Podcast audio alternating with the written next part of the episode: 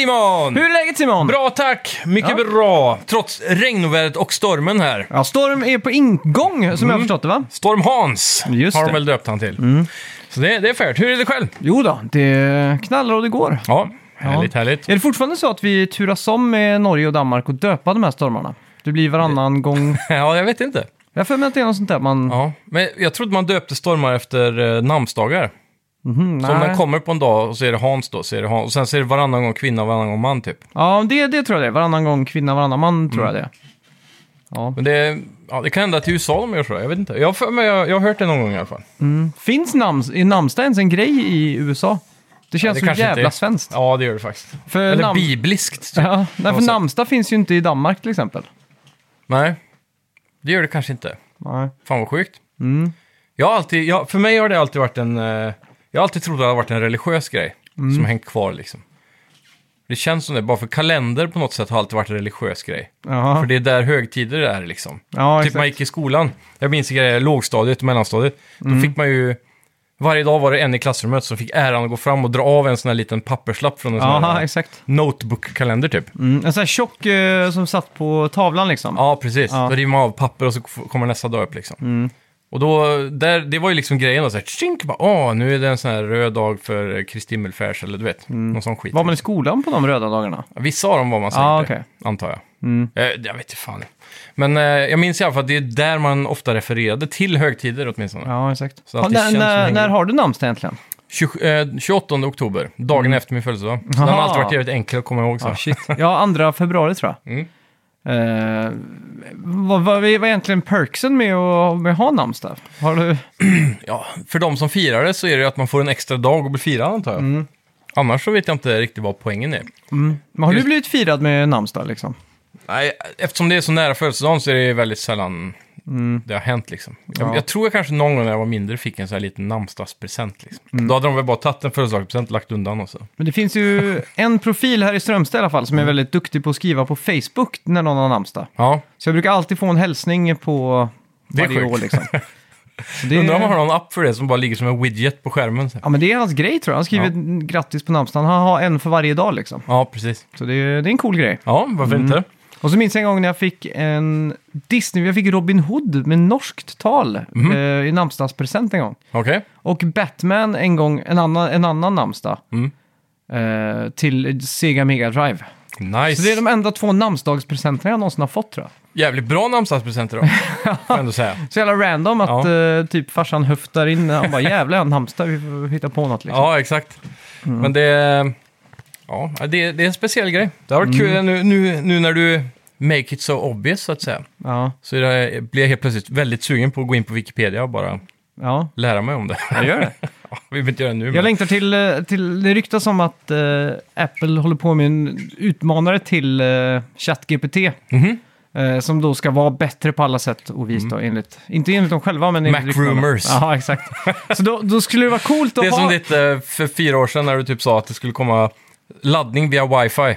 Mm. Det har fortfarande inte hänt. Eller kom, det har inte ens varit en viskning från Apple om det. Ja, men det, det kommer. Det kommer. Mm. Eh, men tänker jag så här, det hade varit coolt om man hade kunnat koppla in i podcasten att man har med typ Siri Mm. som bara sitter och faktacheckar. Så man kan liksom säga, Siri, eh, berätta lite om namnsdagar liksom så här. Så Ja, precis. får man en helt perfekt redaktionellt så här. Ja, det var snyggt om det var integrerat så, så det kom perfekt Ja, men som till en, också. som en plug, plugin i Logic Pro liksom. Ja, exakt. Så man bara får det Ja, det hade varit fett som fan. som sitter med liksom. Är det någonting som verkligen eh, suger på Apple så är det ju Siri Mm. alltså. Ja. Den är ju hästlängder bakom Alexa och, Mm. och sådär. Jag blev faktiskt imponerad av Siri igår för första gången på i hela mitt liv tror jag. Okej. Det var att jag brukar, jag har ju så här smartlampor hemma, du, Mm. det har du säkert också. Ja. Har du integrerat så man kan styra det via hemappen i iPhone liksom? ja, precis. Så man kan säga voice commands och så. Ja. Så jag brukar alltid säga Hej Siri, turn all lights off. Mm. Det blir mörkt hemma. Så uh, fixar den ju det liksom. Mm.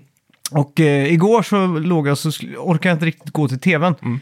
Så sa jag bara, så bad jag Siri att stänga av tvn. Ja, För att bara chansa liksom. Så gjorde den det. För den är ju uppkopplad med... och så HDMI ARC eller något via Ja. Apple TV. Va? Ja, exakt. Så den bara drog av soundbar, tv allt i ett svep liksom. Det är gött. Så låg jag där och bara tänkte, fan vad nice liksom. Ja, men det är den där smarthemsdrömmen alltså. Att allt ska vara integrerat sådär som Tony Stark lever. Mm. Ja, exakt. En polare till mig har precis köpt en ny, eh, kommer inte ihåg namnet på det, men jag har ju en Ikea-box, det är väl den du har också antar jag, Mm. hubben. Och sen så har jag även eh, Philips Hue-hubben. Ja, just det. Och så de... eh, Man måste ha båda ikopplade för att synkronisera lampor tror jag till det ena eller det andra. Mm. Det är i alla fall rörigt, men han hade köpt en box nu som kunde integrera alla system. Jaha. Det är tydligen från ett företag som är Hollands första startup typ. Mhm. Jag kommer inte ihåg vad de hette, men Mm. det är i alla fall... eh, Den var jävligt bra alltså. Han visade mig hur allting funkar och sådär. Så du, Ja, du laddar hem en app för, för den här Mm. boxen. Och sen i appen så laddar du hem alla andra appar typ. Jaha, Och okej. så integreras det där på ett sätt Mm. som han har löst då. Jävligt smart alltså. Så nu ska jag köpa en sån för då kan man verkligen börja smart hemma sig. Ja, exakt. För då får man upp värmepumpen och så hade han köpt en väderstation och så integrerar han alla de här sensorerna med värmepumpen och så kunde Mm. det liksom... Ja, massa smart alltså. Shit alltså. Spara ström. Det enda som jag så här, som är lite irriterande är att alla sådana här lampor som är typ i köket, Mm. det är ju platsbyggt liksom. Så här, spotlight sitter ju inbyggt så här. De kommer jag aldrig kunna lyckats få över liksom till mitt... Det finns sätt att göra det på. Mm. Men jag, du måste hitta någonstans där eh, huvudströmmen går till allihopa. Ja, exakt. Och där kan du få en elektriker att sätta in en grej typ. Mhm. Och så länge det är under en sån här samma standard, jag tror Ikea Home går under Bixby, nej inte Bixby, vad fan heter det? Eh... Ja, skitsamma, det finns en standard för smart hem i alla fall med hur signalen skickas. Typ. Mm. Ja, exakt. Så så länge man har det så kan man integrera det med Mm. Apple Home och allt möjligt. Ja, exakt. Fan, jag tänkte på det så här, man har ju hört rykten om så här ChatGPT. Mm. Alltså, jag, jag använder den sjukt jävla mycket alltså. Ja, Eh, använder den mer nu när jag laddar hem den som app istället Ja. för att gå in i webbläsaren. Så. ja, men så här, istället för att googla på någonting så kan man lika gärna fråga där så får man liksom en, en bra... Jag har till och Ja. med gått så långt nu, istället för att jag googlar Men det är jobbigt, för även om du googlar någonting, ofta så måste du ju ändå gå in på en länk för att hitta det det var och sen scrolla igenom en sida. Ja, exakt. Med ChatGPT får du typ direkt svar liksom. Ja, men så här. Jag tänkte bara så här, jag, jag skulle göra en uh, pina colada Mm. i helgen. Jag hade satt, tagit upp eh, den här blendern, jag hade tagit fram alla ingredienserna typ. Så tänkte jag så här, okej, vad, vad, ska jag gö- vad ska jag göra nu liksom? Jag kan inte bara free-pora som man säger på barspråk, utan Ja. jag måste liksom gå efter någonting. Yes. Så istället för att jag gick och googlade be- eh, frozen eh, margarita, liksom, Mm. eller frozen uh, Pina pina colada. colada, Mm. så frågade ChatGPT vad det bästa receptet var. Så fick jag ett recept. Mm. Så gjorde jag det bara. Boom, finito, Ja. fix. Perfekt. Och det var så bra också för jag fick receptet. Så skrev jag, är det för en eller två personer? Mm. Eh, det är för, eller e- portioner, enheter Ja, eller vad man ska precis. säga. Och så, så, eh, så svarade han så här, det var för en men här har du recept för dubbla. Så dubblade den ihop det automatiskt för mig liksom. Jajamän. Så att jag behöver knappt tänka. Ja. Men så tänker jag så här, man har ju hört det här, tänk om en NPC i GTA 6 liksom drivs av den här chat GPT. Bara, bara man går och pratar med någon liksom. Jajamän. Ah, Men det är ju där fortfarande det här voice to text, eller text Mm. to voice som är så jävla dåligt. Fortfarande. Ja, ända tills du hör Johnny Cash sjunga Barbie Girl. ja, men det är ju det är inte samma sak, för det är ju det är deepfake. Så det, det är inte riktigt samma. Mm. Nej, det är sant. Men det, man borde ju kunna ta en Men har du deepfake. hört Johnny. Cash sjunga Barbie nej, Girl? Nej, jag tror inte det. Du kan inte sätta på den. Men eh, något liknande har man ju hört, eh, typ Arnold Schwarzenegger sjunger låtar och sådär. Han är väl den- kanske den som har blivit deepfake, deepfakad mest, känns det som.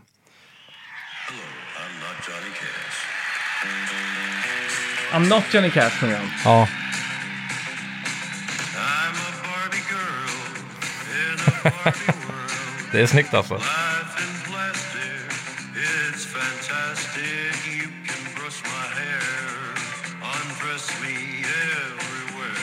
Men de borde ju ha en annan låt dock. För Jaha. att göra det ännu roligare kan jag tycka. Eller liksom att det är Barbie Girl-låten då. Mm. På något sätt. Ja, exakt.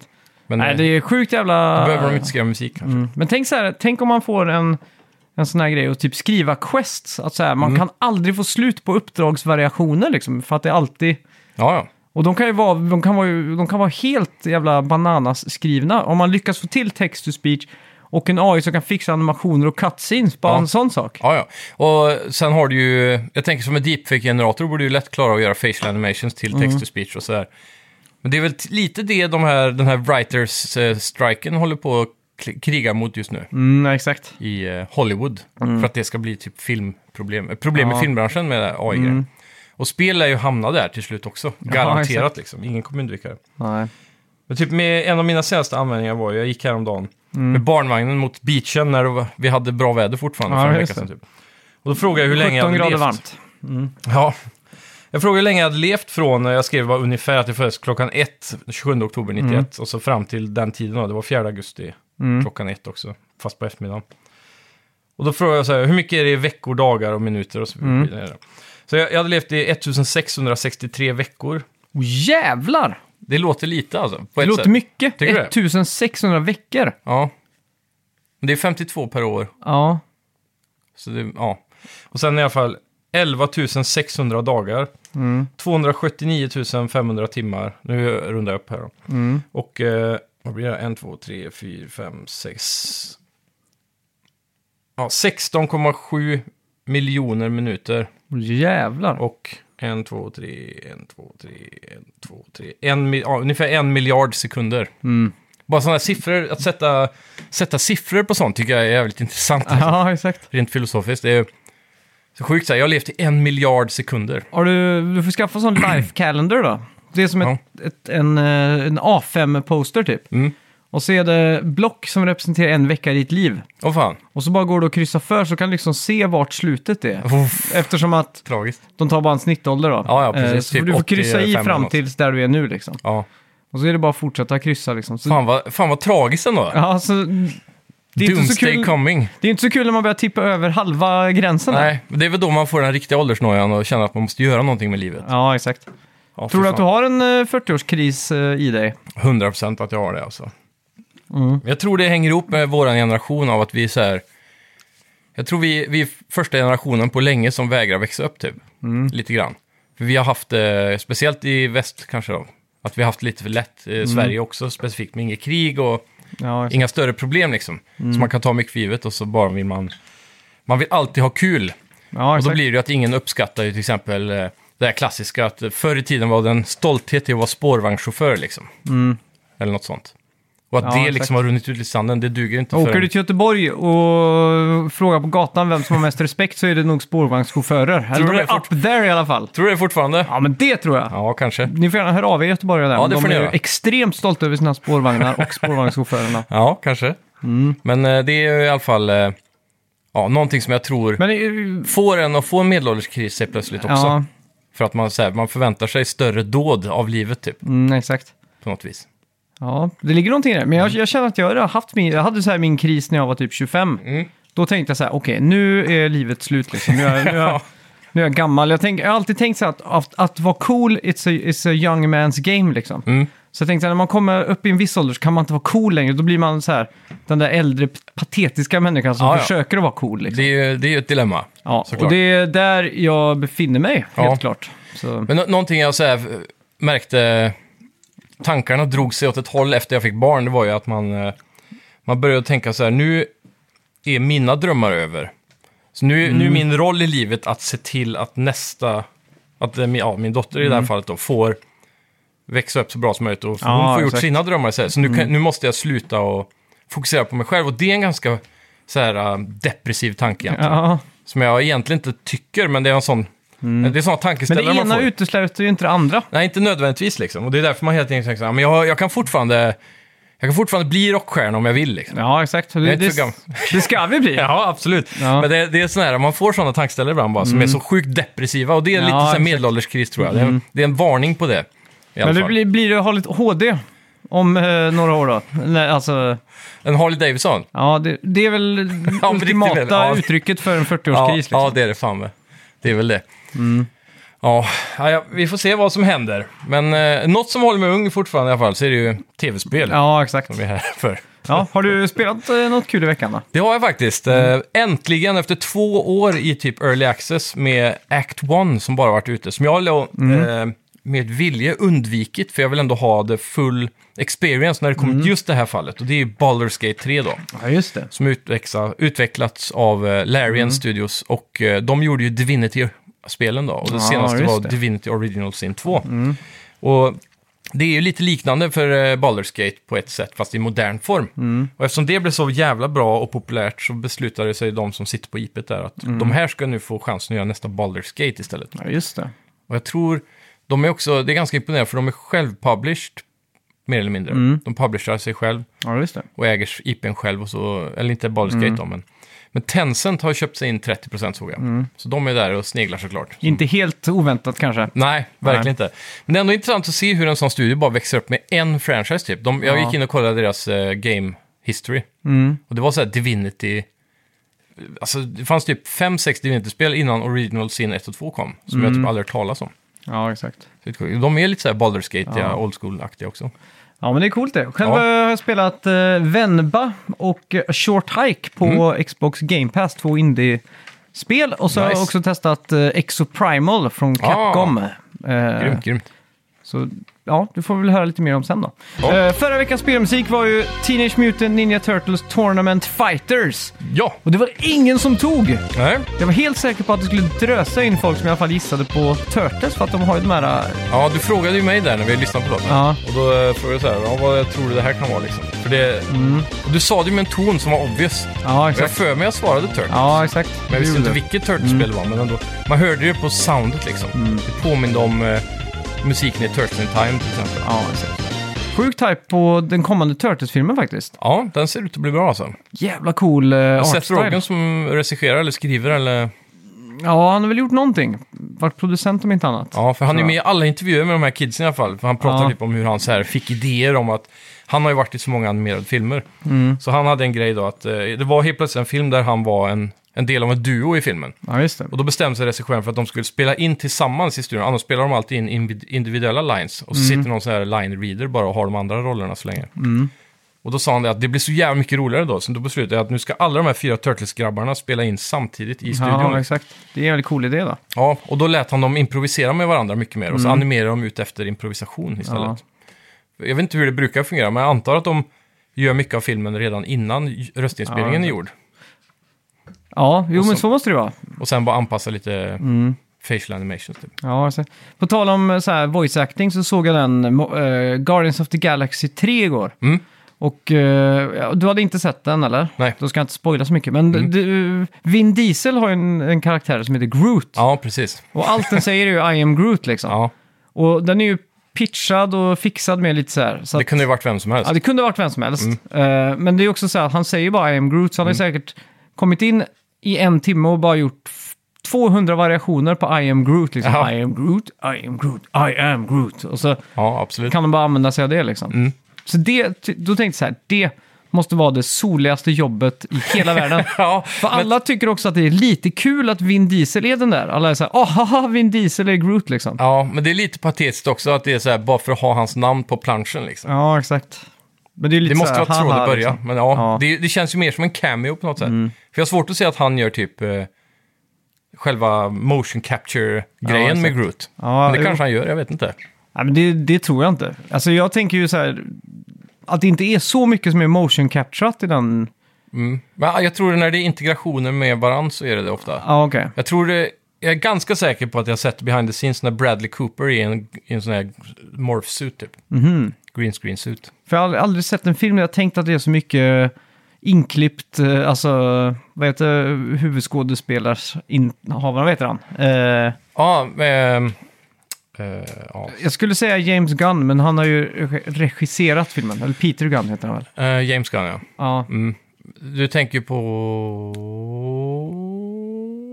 Ah, skitsamma. Ja, Eh, han är, jag, jag satt hela filmen och tänkte så här, de har bara klippt in hans ansikte och eventuellt kropp i en 3D-miljö liksom. ja bara Det skannat kan, det kan ju inte ha varit många pixlar i den filmen som var äkta om man säger så liksom. Nej, det är väl Men, frågan eh, det. Ja, men Alla den dialoger. stod sig helt okej ändå tycker jag. Att Ja. Den tog sig eh, under filmens gång liksom. Jämfört med de andra två då, som har varit och kanske hans eh, insatser i mm, Avengers. så- Tycker väl den första är den eh, bästa Guardians of the Galaxy kanske. Ja, Så tyckte jag den andra var lite bättre än den här tror jag. Eh, men det är, svår, det är svårt att säga. Mm. Eh, ja, jag är ju inte världens största Marvel-fan initiellt så, så för Nej. mig...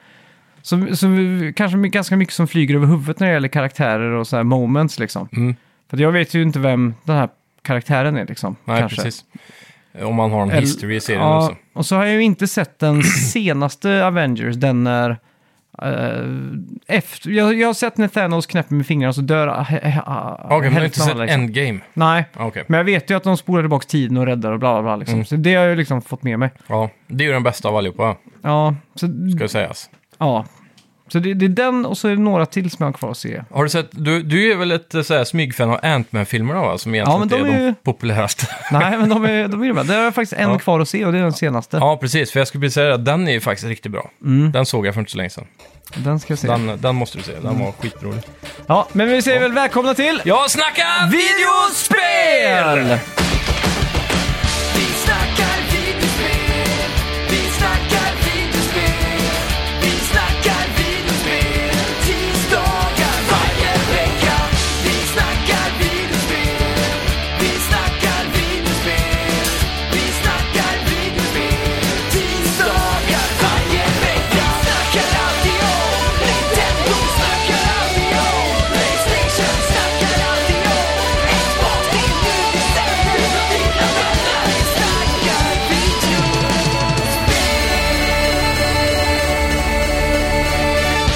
Fick vi mer information om kommande Battlefield. Det sa att det skulle vara ett eh, reimagination as a truly connected ecosystem. Eh, vilket låter som ett AAA Games as a live service-spel. Ja. Truly connected ecosystem, det är farliga Ja. ord i denna bransch kan jag tycka. Mm, exakt. Eh, de gjorde ju lite av en reimagining med Battlefield 2142 som kom senast och det var ju inte något populärt. Typ Nej. att de ändrar om hur klasser fungerar och så vidare. Och nu har de ju bytt tillbaka igen, men de har svårt att få in spelarbasen. Så jag vet inte vad de behöver göra, men de behöver definitivt... Jag, jag, jag skulle vilja säga att de behöver göra det som Core Focus var runt PS3-eran där. Att de gick för att pusha täcket att vara så bra som möjligt grafiskt, men också så mycket destruction som möjligt. Snacka om att, ja, De har gått ifrån den där lilla biten som gjorde det så unikt och taktiskt liksom. snacka om att tappa bollen alltså. Mm. Battlefield kunde ju varit där COD är idag, lugnt utan problem liksom. Ja, ja. Om inte annat så har de ju alltid varit på andra plats under kod liksom. Ja, exakt. Och Och inte, det är ju inte dåligt bara det liksom. var det Battlefield 4 som släpptes med PS4? Eh, då när de hade de här Ja. stora Levolution och... Ja, tror, ja, det tror jag stämmer. Ja, runt där, då kändes ju Battlefield milväg liksom mer futuristiskt än Call of Duty som liksom släppte Call of Duty Ghosts och den stora nyheten var att det var en hund med liksom. ja, och precis. så var det andra var ju helt next gen och mycket mer fett liksom. Ja, ja. Break the dam och se, vält huset. Ja, och exakt. Så att, och de hade bara EA och DICE liksom spelat det här kortet rätt och varit, implementerat typ en Battle Royale samtidigt som PlayerUnknown's Battle Royale kom, eller bara Ja. en månad efter så hade de liksom kunnat snott the Thunder lite liksom. Frågan är var problemet ligger. För EA har ju notoriskt nog gått åt fel riktning kan man tycka, Mm. sen typ Battlefield 4. Ja. Med, på alla sätt, med microtransactions och alla De, problem de skulle ju haft. bort från eh, traditionella spel. De sa väl att alla spel ska vara online-baserade. Frågan är om det är styret från DICE. Mm. För är det inte, var det inte han gamla CEOn av DICE som typ blev chef över EA? Ja, Patrik Söderlund. Ja. Mm. Frågan är om han liksom har blivit en sån här alldeles... Han har tappat visionen av att gaming ska vara coolt och han har bara fått det här...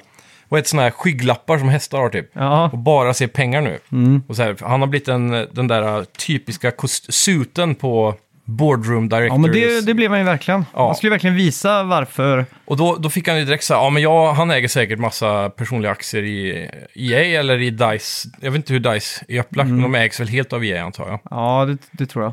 Så han, det, det måste ju varit hans idé att Frostbite skulle bli den officiella motorn för alla EA-spel till exempel. Och bara tvinga in, Mm. Ja, exakt. till och med Fifa använder Frostbite typ. Mm. Och sådär. Och, så, ända sedan, det, ja, sedan den eran så har det ju bara Men- gått åt helvete. Men han är ju liksom en spelmotorskille för den nya studion där, Embark Studios. Ja, Det är ju en spelmotor som eh, ligger till grund för hela spelstudion liksom. Mm. Och det är ju... men är det han som har gjort det? Ja, Så, har han slutat på EA nu då? ja han, har, han, har, han är inte längre verkställande Och så har han startat direktör. Embark istället. Mm.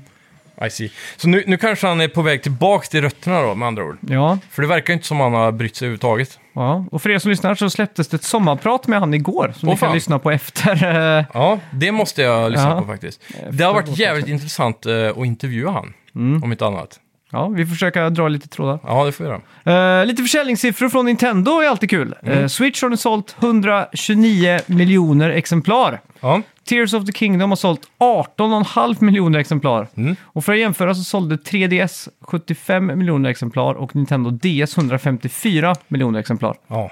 det är Så galet. Switch är ju Många. jävligt kassako alltså. Ja, många tror ju nu att Switch kommer att gå om PS2 som den bästa säljande någonsin. Mm. Med tanke på att Switch också kostar en potatis att tillverka med såna här gamla Ja, chips och... Ja, herregud. Och att det är... Jag, vet, jag skulle vilja veta hur mycket Nintendo har tjänat på att ha Joy-Con-drift. Ja, fy fan. För alltså, hur många personer köper bara inte nya Joy-Cons istället för att gå igenom processen och leta fram ett kvitto och göra allt det. Ja, ja. Och samma sak med PS5 har också en viss procent Joy-Con-drift. Mm. Men det har aldrig varit ett problem innan. Så min teori här är att de, program- att de gör de här lite fel. För att Mm. de vet att de tjänar pengar på det i slutändan. Vad är det det heter? Det var du som lärde mig det. Eh, planned obsolescence. Ja, precis. Som är gamla glödlampan-teorin eller vad det är. Mm. Ja, exakt. Mm. För det är, ju, det är ju en klassiker det där med att det hänger en glödlampa på en brandstation i England typ sedan 1800-talet med en webcam på som Ja, fortfarande i, i, fungerar. någonstans i USA. Ja, i USA det, I ja. 1907 eller någonting byggdes den. Ja. Och det är helt sjukt liksom. Mm. Att det, är, det är ett bevis på att det här är bullshit. Ja, exakt. Men det finns ju, det gjordes ju en kartell. Det Mm. var ju Philips och General Electric som några till som gick ihop Ja, och bestämde, för att de konkurrerar ju hela tiden i att vem kan göra den bästa glödlampan? Så det var ju en frisk konkurrens där. Mm. Tills de nådde ett visst antal timmar då, och de hela tiden marknadsfördes med det här. ja, Så sa de så här, "Ja, men vänta lite nu, om vi bygger glödlampor som håller i alldeles för länge, då kommer vi inte tjäna några pengar på det. Nej. Så de kom överens om att alla skulle lägga sig runt 3000 timmar liksom. ja, precis. Och det var ju ganska intressant för att den där eh, järnridån låg ju nere Mm. över för Sovjet och där var det ett annat tänk, för de hade ju inte kapitalism. Nej, Så exakt. där utvecklade de ju glödlampor som skulle hålla för evigt liksom. Ja, Så du kan ju gå och köpa en, eh, en frys från det forna Sovjet där en lampa kommer lysa år 2151 liksom. ja, ja. Så Ja, att, det är- eh, För frysen däremot Ja. kommer inte hålla så länge. ja men det, den håller också. Ja, de, eh, de har ju haft sina upp och nersvängar där med deras eh, teknologiutveckling. Mm. Men eh, som en lada vill man ju inte köpa. Nej, inte de nya i alla fall. Bensinförbrukning så här 4 liter milen liksom. Ja, vilka skitbilar. Mm. Ja, ja, men det är intressant. Eh, det får mig också tänka på eh, många andra sådana. Var det inte... Var det inte Apple? Jo, men det är lite som med, det här som Apple åkte dit för en period också med att de typ blockade CPU-erna lite. Ja, det är exakt. lite samma tänk egentligen. Men sen så skyller de ju på att det var för att batterierna är dåliga lite- och man ska ha längre batteritid och allt det där. Lite användarvänlighet Ja. som de har programmerat in liksom. Det kan man, ju, man kan ju skylla på det, men det är ju Men inte typ det som- det handlar om. Men de tänker ju den stora massan så här. Min, min mor, hon skulle aldrig märka att iPhonen blev 20% slöare liksom. För hon använder den för att skicka Mm. Men till slut emot märker man ändå det. någonting. Och då blir det så här, ja men fan, jag vill ha ny. Ja, men det, det ska lång tid tills dess alltså. Jaha, kanske. Så, ja.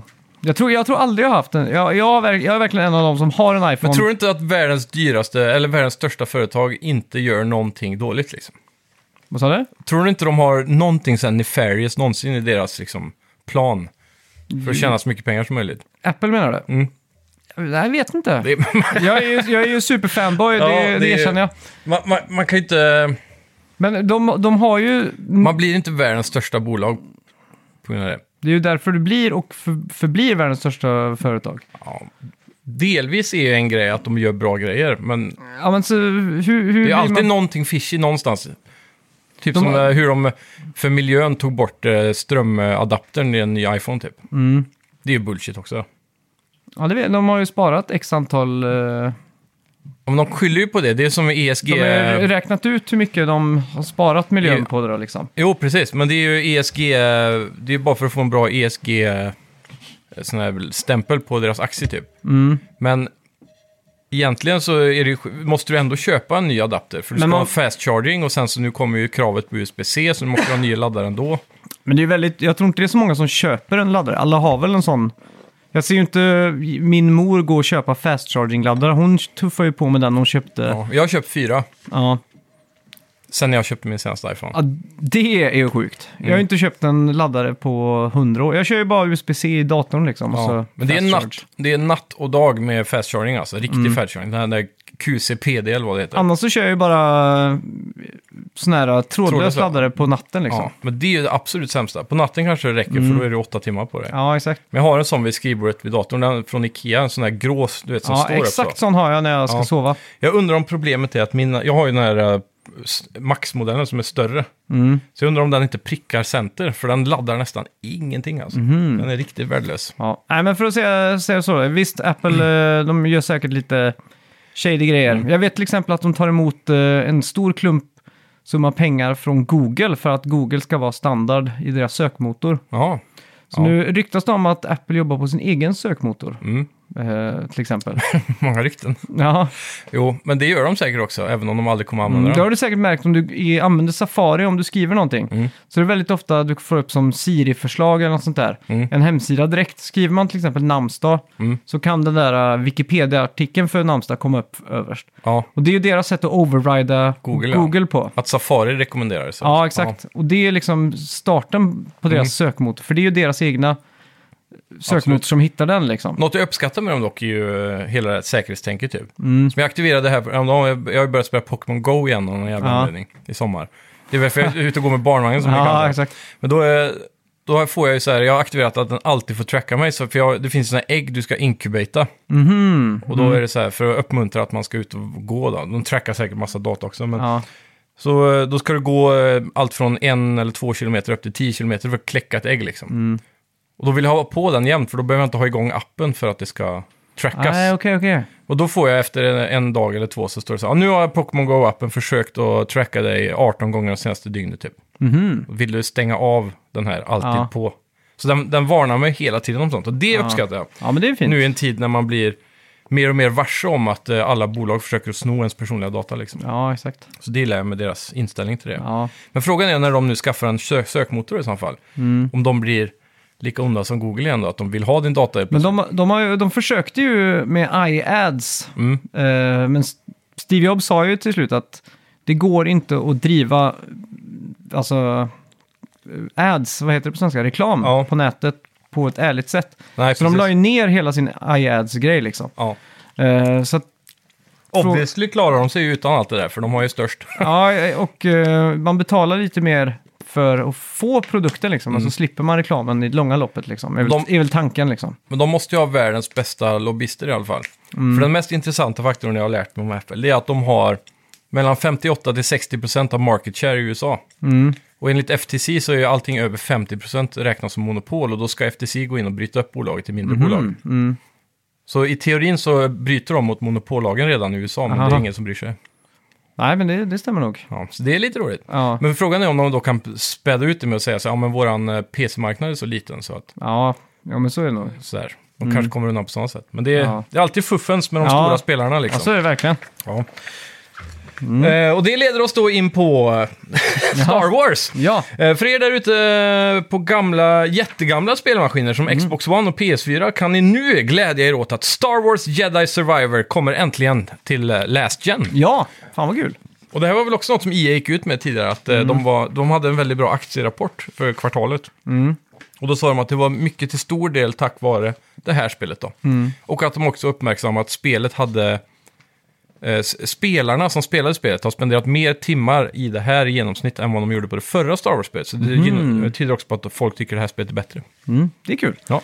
Eh, Capcom delar också med sig lite försäljningssiffror och vi får reda på Mm. att Resident Evil 2-remaken är deras bäst säljande spel någonsin med 12,6 miljoner sålda exemplar. Ja, det blev jag också lite chockad över när Ja. jag läste. Ehm, men sen inte egentligen, för det är ett spel som ofta dyker upp på reorna ser jag. Hela Ja. tiden, uppe i fokus liksom. Och det är ju också väldigt känt för att vara väldigt bra. Ja, eh, helt klart. Har, känns ni, som att det har man in inte spelat det så borde man... Det är ju en bra... Du kan ju börja Resident Evil där också Ja, om ja. du vill det. Det är första, jag har aldrig spelat det, men det känns inte som att man missar så mycket i storyn liksom. Nej, det utspelar sig bara i ett uh, gammalt mansion liksom. Ja, och det är typ någon av, de karaktärerna återkommer väl i storyn i eh, trean eller fyran eller någonting. Mm.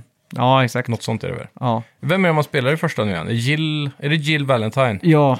Och vem är killen? Nej, du spelar väl som Chris i första spelet? Chris va? Redfield? Ja, jag tror det. Och han kommer han kommer i i fem. trean. Är det trean han är tillbaka? Ja, då Och kommer han ju in femman. som polis tror jag. Ja, och men inte som femman- playable. Nej, men femman kommer han in igen nu. Som playable character. Mm. Ja, precis. Exakt, det stämmer. Ja. Sen dyker han väl upp i sjuan, åttan och grejer också, va? Mm. tror jag. Ja, han är ju ständigt med. Ja, ja, det är lite roligt. Men ja, i värsta fall kan man väl alltid kolla igenom en story recap på YouTube, tänker jag. Det finns det gott av. Ja. Campfire Cabal är en studio som öppnade förra året i ägandet av Embracer Group. Studion skulle fokusera på high quality narrative driven RPGs.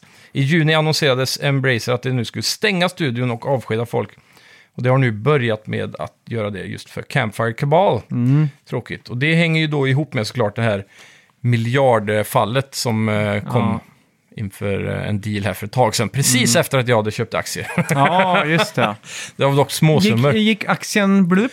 Ja, det var ju en, to- det var en total krasch alltså. Ja. Ehm, men då doublade jag down och köpte dubbelt så mycket.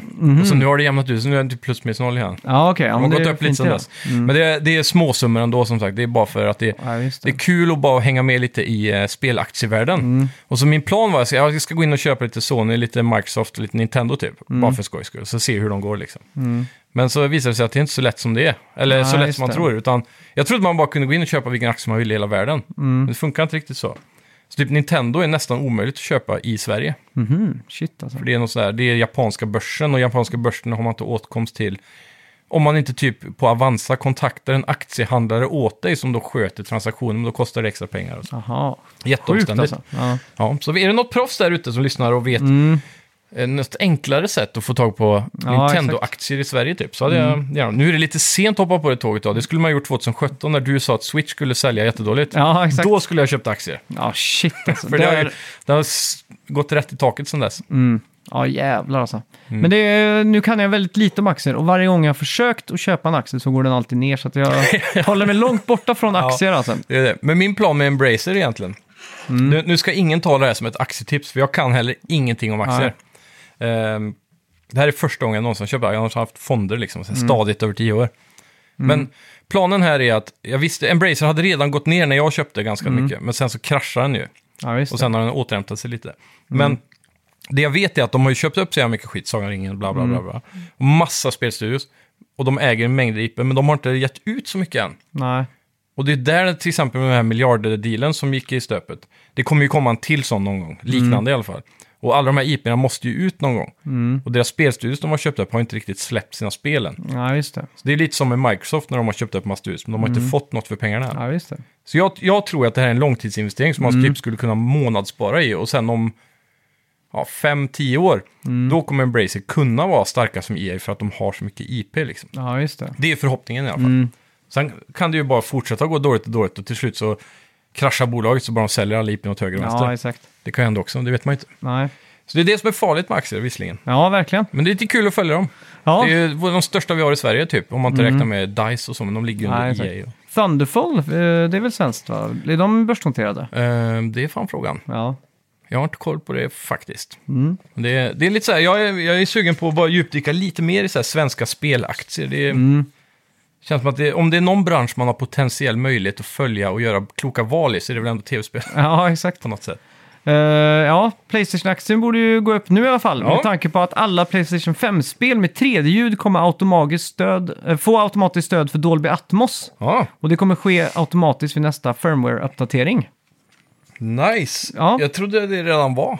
Ja, det är något eget eh, 3D-ljud som... Sony har jag. Ja, så nu blir det Dolby Atmos-label på det liksom. Okej, så då kan man egentligen kanske välja då, eller så. I Mm. output setting säkert. Ja, exakt. För eh, jag har ju Dolby Atmos-support hemma, men jag antog att Playstation 3D-ljudet kunde liksom dra nytta av det, använda mitt system ändå. Det för kan- 3D-ljud. Det kan den säkert göra. Eller om- är det bara headsets liksom, hittills? Det, det tror jag inte. För f- jag vet när de, Mark Cerny pratade om att en TV skulle kunna göra 3D-ljud Ja, förr eller senare. Mm. Med en update liksom. ja exakt. Men det har inte kommit än, men... Nej. Men det här låter i alla fall positivt. Det enda som är lite störande är att... Nu blir jag fan osäker, för jag vet att Samsung har någon sån här rivalitet med Dolby Mm. Atmos, att de vägrar att... Eller är det... Eller, Det är någon av de här Mm. ljud-encoderserna som de vägrar att licensiera. ja. Dolby Atmos är ju en jävla konstig konstruktion egentligen. Mm. Alltså, eh, det funkar, jag har sett på film med mina airpods, för det är ju absolut enklast att synka om du har hörlurar på liksom. Ja, Eh, och jag vet inte, jag, jag tycker inte det är så jättefett. Uh, alltså, Det är ju ändå Nej. det, fetaste som jag har haft hittills, det var typ 2005. Mm. När jag hade klassiskt 5.1 med såna här högtalare som stod i rummet liksom. Ja, jag tycker 3D-ljudet i Playstation VR 1 var magiskt. Ja, inte ens tvåan är så bra liksom. Nej, eller Långt om det ifrån. bara är inget spel som har liksom klarat att visualisera det eller så. Mm. För det, det bästa 3D-ljudet var ju den där äh, demobollen i VR World som bara snurrade Ja, exakt. i Det kändes ju helt uh, surrealistiskt liksom. Ja, verkligen. Mm. Men eh, min, min stora förhoppning ligger fortfarande i det här, de här airpodsen som kommer från Sony snart, som är gjorda Ja, för airbuds Playstation. ja. ja. De hoppas jag blir bra. Mm. Lyssna, har du testat att lyssna på musik i Dolby Atmos? Jag har provat det där äh, rumsligt, eller vad fan de Ja. kallar det på Apple Music. Men det är, Dol- det är Dolby Atmos. Okej. Ja. Jag vet inte, jag tycker bara det låter som att de lägger eko på allting. Ja, jag tycker också det. det jag har svårt, verkligen för svårt att förstå grejen liksom. Ja, Men de släppte ju en podcast i Apple Music i samband med det här, när de liksom visade... Först så släpptes jazzmusik i mono, så får man höra lite mono. Mm. Sen kom stereo, så får man stereo och man bara wow, liksom så här. Mm. Och så tog de samma stycke och nu har det evolverat till Dolby Atmos liksom. ja, Och då fick man höra, då tänkte jag så här, okej, wow. Men då var det liksom en trumpet och så var det liksom en... Ja, en väldigt- sån där... äh, minimalistiskt. Ja, exakt. Så då tänkte jag så här, okej, shit, det här låter coolt liksom. Mm. Eh, så gick jag in och lyssnade på några sådana här mm, skivor som jag har lyssnat på i mitt, hela mitt liv. Liksom. Mm. Alltså, Highway to Hell-skivan med ACDC, låten Touch Too Much där, den har jag hört en triljard gånger liksom. Ja, Frivilligt och motfrivilligt. Men eh, satte jag på den så tänkte jag så här, vad fan är det här för någonting? ja. Så satte jag på lite så här uh, musik jag lyssnar på ungdomen som också ligger liksom precis på nervtrådarna till mitt hjärta liksom. ja. Och det, är liksom det blir bara lite extra basigt, som du säger, lite mer uh, grötigt ljud. Jag får inte Ja. riktigt någon, något fäste i det. Det känns bara så jävla onödigt liksom. Men Det känns som ett så här replokalfilter. Ja, Som man exakt. bara drar på så blir det väldigt så här rumsligt och mycket diskant typ. Jag vet Mm. Men inte. det, det jag har märkt är typ att eh, om man kollar YouTube i telefonen Mm. och du har airpods på, så kan du titta bort från... ja, de, de har den där scengrejen att ljudet kommer framför Ja, dig typ. exakt. Och det tycker jag är ganska coolt. Ja, men det vänster. försämrar också ljudkvaliteten typ. Jaha. Kan jag tycka. För det blir också samma effekt av så här, då får jag ju inte det hela ljudet. Då får Ja, jag exakt. halva ljudet när jag tittar Mm. bort. Eller vrider på huvudet. Eller, Ja. eller så. Ja, det, Det, de är ju inne på någonting säkert. Men just den här, ja, det, kän- det känns mer rimligt typ om du kollar på en film.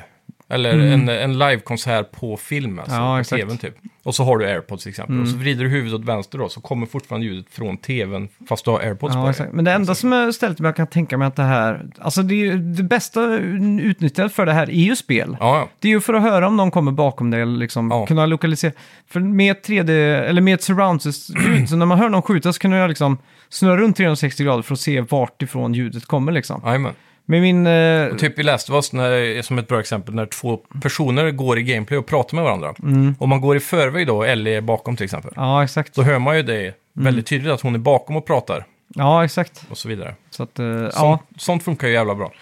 Men det, jag, gillar, jag vill ha den här visionen som Mark Cerner sa, att med de här eh, nya ljudprocessorerna eh, som vi har i konsolen, som de tog designen från SPU-erna från cellprocessorn, Mm. Ja. så kan vi då ha tusentals virtuella platser för, var, för olika ljud och kunna Mm. ha kraften att processera all ljud. Så varenda regndroppe ska kunna ha sin egen position i ljudbilden. ja, exakt. Liksom. Att det kan vara så detaljerat, men det känns inte som de har gjort ett riktigt demo på det än. Mm. Men jag tror också ett problem är att de baserar ju den här teknologin på den här uh, SPFE, eller vad de kallar det. SPF. Kommer du ihåg det? När de typ skannade örat liksom. Ja, just det. För att få en perfekt ljudbild efter ditt Mm. öra. Och nu finns det typ så här. I Playstation inställning så har du 0 och så har du plus 1, 2, 3 och så minus 1, 2, 3 Ja. eller något sånt. Så ska du ställa in typ där höjden känns mest rätt för ditt Mm. öra. Så det är sådana här ungefärliga algoritmer. Ja, shit. Det, jag tror det är det kanske som fuckar upp det, jag vet inte. Jag, Ja, jävla komplicerat känns det som. Men vi får bara Ja. hoppas att det här blir en sån fix som fixar mycket om man säger så. Ja, men det är ju sådana här grejer de får utveckla nu när grafiken stagnerar. Mm. Liksom. Ja, bättre exakt. ljud, bättre AI, bättre, Mm. Jag vet inte, particle effects. Ja. Ingen drift i kontrollen. Nej, det är ju fruktansvärt. Mm. Ja, by the way, eh, du ska få tillbaka dina joycons. Jag glömde dem idag igen, men Jaha, du har, det är du som har mina joycons med andra ord.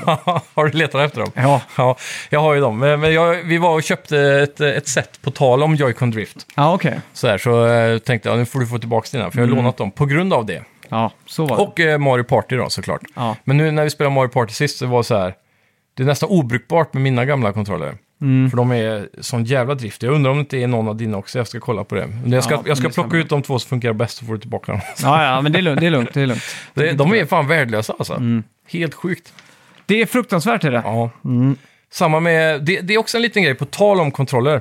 Eh, De nya, om du, det är ett tips för alla er där hemma om ni har köpt en ny handkontroll nyligen till PS5. På baksidan så står det en sån här uh, serienummerkod typ. Eller så, CEH-streck, alltså en Ja. massa bokstäver. Sen blir det ett litet mellanrum och sen kan du få ett stort A, fast det, den är liten efter texten, den är mindre i font size, men det är inte lilla A, det är en stort A. Om det står en sån efter modellnumret, då har du den nya kontrollen. Och där har de ändrat eh, moderkortet i kontrollen är lite annorlunda. Men Det är inte det som är viktigt, utan det är eh, no, de här fjädrarna som trycker L2 och Ja. L2, de är väldigt vanliga att de knäcker i Mhm. eh, PS5-kontrollerna. Det var ett problem på PS4 också. Så nu har de uppgraderat tjockleken på den fjädern, så den är istället för 0,025 så är den 0,030. Mhm, Shit. Så har man, och då vet ni att ni har köpt en nyare kontroll. Har ni inte gjort det så kanske ni fortfarande kan byta in den på Eleganten eller något. Aha. Ta nya. För de tre nyaste färgerna är garanterat att de har det. Och jag vet, de svarta har också det, för det där köpte jag. Mm. Så jag vet inte om jag hade tur. Men du kan ju få en sån här gammal svart kontroll som har legat på lagret länge. Till exempel. Och vit fortfarande. Ja, visst. Så vill man vara helt säker så ska man köpa de här tre nyaste då. Mm. Så det, jag var inne på Tradera för att köpa nya fjädrar. Mhm. Jag letade överallt och alla recensioner säger bara de är ännu sämre än originalet. De knäcker efter två veckor och tre veckor och sådär. Så får Aha. man byta hela tiden. Det var en som hade Jävlar. gått igenom fyra fjädrar på två månader. Och så. Mhm. Jag blir lite frustrerad. Ja, fy fan. Eh, Mm. Ja, Har vi mer nyheter? ja. Ja, då går vi vidare. Eh, I år får vi inte Fifa 24, vi får FC 24. Och med det har nu EA Sports avtäckt nyheten om att eh, årets upplaga kommer innehålla deras nya Sapien-system då, för spelarna. Vilket har resulterat i en tio gånger mer detaljrik spelare när det kommer till animationer, detaljer. Eh, alltså spelaren kommer då vara mer som en äkta spelare i hur de rör sig och ser ut och säkert hur de tänker också som Ja. AI och så. Ja, men det är coolt. Det är en eh, spännande uppgradering måste jag säga. Frågan är hur mycket det här är så här, blown out of proportions i marknadsföringssyfte. Säkert mycket. Ja. Säkert väldigt mycket. Tio gånger så bra, det låter ju Ja. som ett giant leap. Med Det är tanke på att det redan är väldigt bra. Har du sett någon VM i år? Eh, nej, Det är ju... eh, var det VM när damerna vann över USA häromdagen? Ja, exakt. Okej, Eh, igår, eller i förrgår var det väl? Ja. På straffar tror jag det var. Eh, jag har aldrig sett en fotbollsmatch i hela mitt liv i sin helhet tror jag. Okej. Så jag började titta på matchen. Ja. Eh, klarade tre minuter så insåg jag hur fruktansvärt tråkigt det är med fotboll. Mm. Men det är kul att eh, vi har gått till kvartsfinal nu då. ja, och krossat USA som väl har varit mästare och vi har förlorat mot dem de senaste gångerna Ja, i final tror jag. Exakt. I alla fall sist, förra gången. så det är spännande tider. Ja, verkligen. Nu är ju ingen av oss särskilt sportintresserade så Nej. det är synd. Men jag misstänker att när Fifa kommer får vi väl göra samma sak som vi gjorde med golfen häromdagen. Ja, exakt. Vi Dra en ska... eh, sportstream.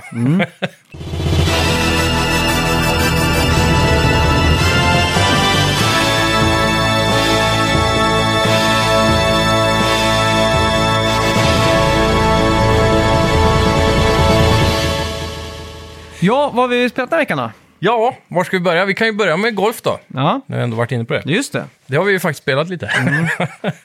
vi testade ju varsin runda och det var stream där. Vi hade som högst 15 samtidiga tittare. Så tack till alla som var inne och tittade, det var väldigt kul. Ja, tack så mycket. Vi hade väl, jag tror det var runt 100 unika tittare Ja, men det är ju succé skulle jag vilja säga. Ja, men det tycker jag.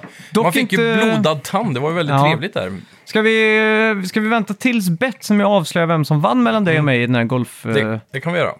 ja, vi, Ja. vi tar det i slutet då. Men, Men eh, eh, rent eh, grafiskt och sådär, vad tycker du jäm- jämfört med andra golfspel du har spelat? Alltså det är ju det är ju inte fult. Den är Nej. inte jättesnyggt heller liksom. Det är inte så snyggt som jag hade förväntat mig. Nej, Man kollar typ på träd och lite sådana saker. Så här Mm. Foliage liksom. men det, det spelet är snyggt på det är väl kanske eh, fysik och Ja, hur karaktärerna bollen och- studsar och här saker. Ja, absolut. Eh, ja, jag vet inte. Jag gillar, eh, vad ska man säga, känslan i det tycker jag var bra liksom. Mm. I, eh, nu körde vi olika swingsystem. Ja, Jag körde det här treklickssystemet och du körde den här eh, när du- man svingar med högerspaken typ. Ja, exakt. Till och med vänsters bak Ja, var det. det till och med? Ja. Så det, det är ju en grej. Ehm, Mm. Men jag, jag tyckte det funkar jättebra. Det, här, det jag körde påminner väl kanske mer om eh, Everybody's Golf tror jag. Ja, just det. Så då var det typ en, en cirkel som man klickar du trycker först, eh, håller inne för att fylla cirkeln till en viss eh, färg Mm. som finns inne i, beroende på vilken klubba man har och hur, långt, hur hårt man ska slå. Och då ska du pricka det vita området och då släpper du kryss och då går en mätare upp runt cirkeln och på toppen ska du pricka i en sån här sweet spot och sen fortsätter den ner till botten och där ska du också pricka en sweet spot. Mhm. Och vill du balansera ut det så vill du ha, om du tar sweet spot- spotten lite till, för mycket till höger där uppe så vill du ha Ja. den till vänster där nere. Mm. Så balanserar de ut varandra till att bli rakt. Då. Mhm. Så, så man får en extra chans kan man väl säga. Och sen så insåg jag ganska snabbt att det finns en rytm i... För det är så här, när du håller inne kryss innan den här mätaren börjar röra på Ja. sig för att få upp bara inre cirkeln. Mm.